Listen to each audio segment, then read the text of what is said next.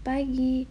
Rekan-rekan, pada saat hari ini Senin 4 Oktober 2021 kita akan kembali lagi bersaat teduh. Tapi sebelum kita bersaat teduh, kita bersatu di dalam doa. Allah Bapa yang bertata dalam kerajaan surga, kembali kami mengucap syukur berlimpah terima kasih Tuhan atas penyertaan cinta kasih Tuhan dari aktivitas kami, sehingga kami masih diberikan kesempatan untuk bernafas, melakukan aktivitas kami pada siang hari ini. Tuhan Yesus yang baik, kami juga berdoa untuk saat teduh pada hari ini, kami bisa kesempatan untuk meluangkan waktu kami untuk bersaat teduh, mendengarkan kebenaran firman Tuhan, mendengarkan renungan, dan kami dapat mengerti dan dapat melakukan dalam kehidupan sehari-hari. Dalam Tuhan Yesus, kami sudah berdoa dan mengucap syukur.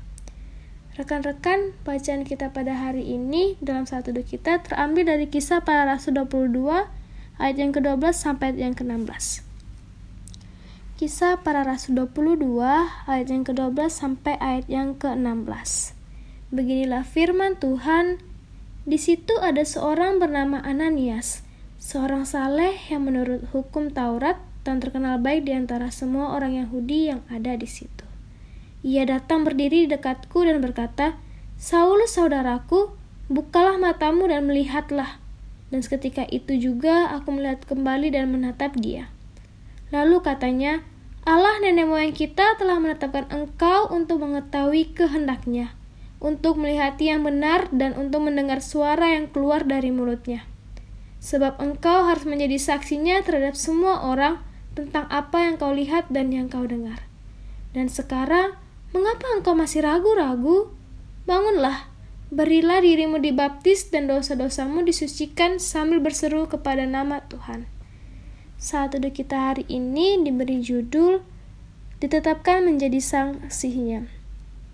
Sobat muda, pernahkah kalian berada dalam situasi yang penuh semangat untuk melakukan sesuatu, tiba-tiba terjegat di tengah jalan sehingga menuai kegagalan? Jika pernah, pasti rasanya tidak menyenangkan. Kita merasa menjadi orang yang gagal dan tidak berguna. Nats bacaan kita saat ini menceritakan kegagalan Paulus melakukan persekusi kepada orang Kristen atau pengikut jalan Tuhan dengan tujuan menghalangi penyebaran berita Injil Kristus. Tuhan Allah sendiri yang langsung mengagalkan misi Paulus. Kemungkinan Paulus merasa kaget sekaligus tajuk dengan perbuatan yang Allah nyatakan baginya. Ternyata rencananya bukan rencana Allah, dia sama sekali tidak memperkenankan Paulus membinasakan sesama. Sebaliknya, Allah justru meletakkan misi keselamatan bagi sebuah manusia kepadanya. Ananias pengikut Kristus yang saleh diutus untuk menyembuhkan dan mendoakan Paulus dari kebutaannya. Ananias menyampaikan nubuatan dan kehendak Tuhan bahwa dia akan menjadi saksi Kristus. Ini merupakan misi yang sangat kontradiktif dengan sebelumnya. Awalnya, Paulus hendak menghambat pertumbuhan kekristenan, malah menjadi penggerak aktif pertumbuhannya di berbagai wilayah. Itulah cara kerja dan rencana Allah bagi manusia. Allah mampu memakai siapa saja dengan berbagai cara demi mewujudkan keselamatan bagi dunia. Sobat muda, mari belajar dari pengalaman Paulus. Dia menjadi saksi Kristus bukan sekadar teoritis ajaran kitab suci, melainkan langsung mengalami perjumpaan dengan Tuhan.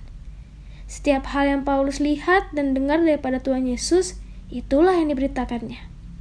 Oleh karena itu, jika sobat muda pernah mengalami perubahan rencana dalam hidup ini, artinya Tuhan turut andil di dalamnya agar kamu tidak hanya membawa visi pribadi, tapi lebih mendahulukan misinya di dunia ini.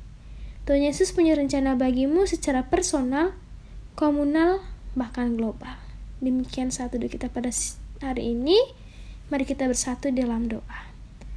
Allah Bapa yang berada dalam kerjaan surga, kami mengucap syukur limpah terima kasih Tuhan atas penyertaan cinta kasih Tuhan di mana kami telah membaca kebenaran firman Tuhan, kami telah mendengarkan renungan dari firman Tuhan hari ini.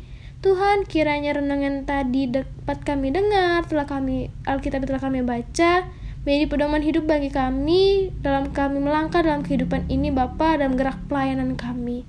Tuhan Yesus bantu kami untuk menjadi saksi-saksi Kristus yang selalu senantiasa setia, selalu takut akan Tuhan, dan selalu mengandalkan Tuhan, dan selalu mempunyai keberanian Bapa untuk menjadi saksi Kristus di tengah-tengah bumi ini dan juga mau menjadi saksi-saksi Kristus yang tidak malu-malu, tidak ragu-ragu untuk menceritakan kebaikan Tuhan yang dialam yang kita alami secara pribadi Tuhan. Tuhan Yesus yang baik, sebentar kami akan melakukan aktivitas kami seperti biasa dengan aktivitas kami masing-masing. Tuhan berkati seluruh rekan-rekan pemuda yang telah mendengarkan saat teduh pada hari ini dengan segala aktivitas kami, dengan segala pendidikan kami, pekerjaan kami, kuliah kami, terkhusus pelayanan kami di tengah-tengah muka bumi ini.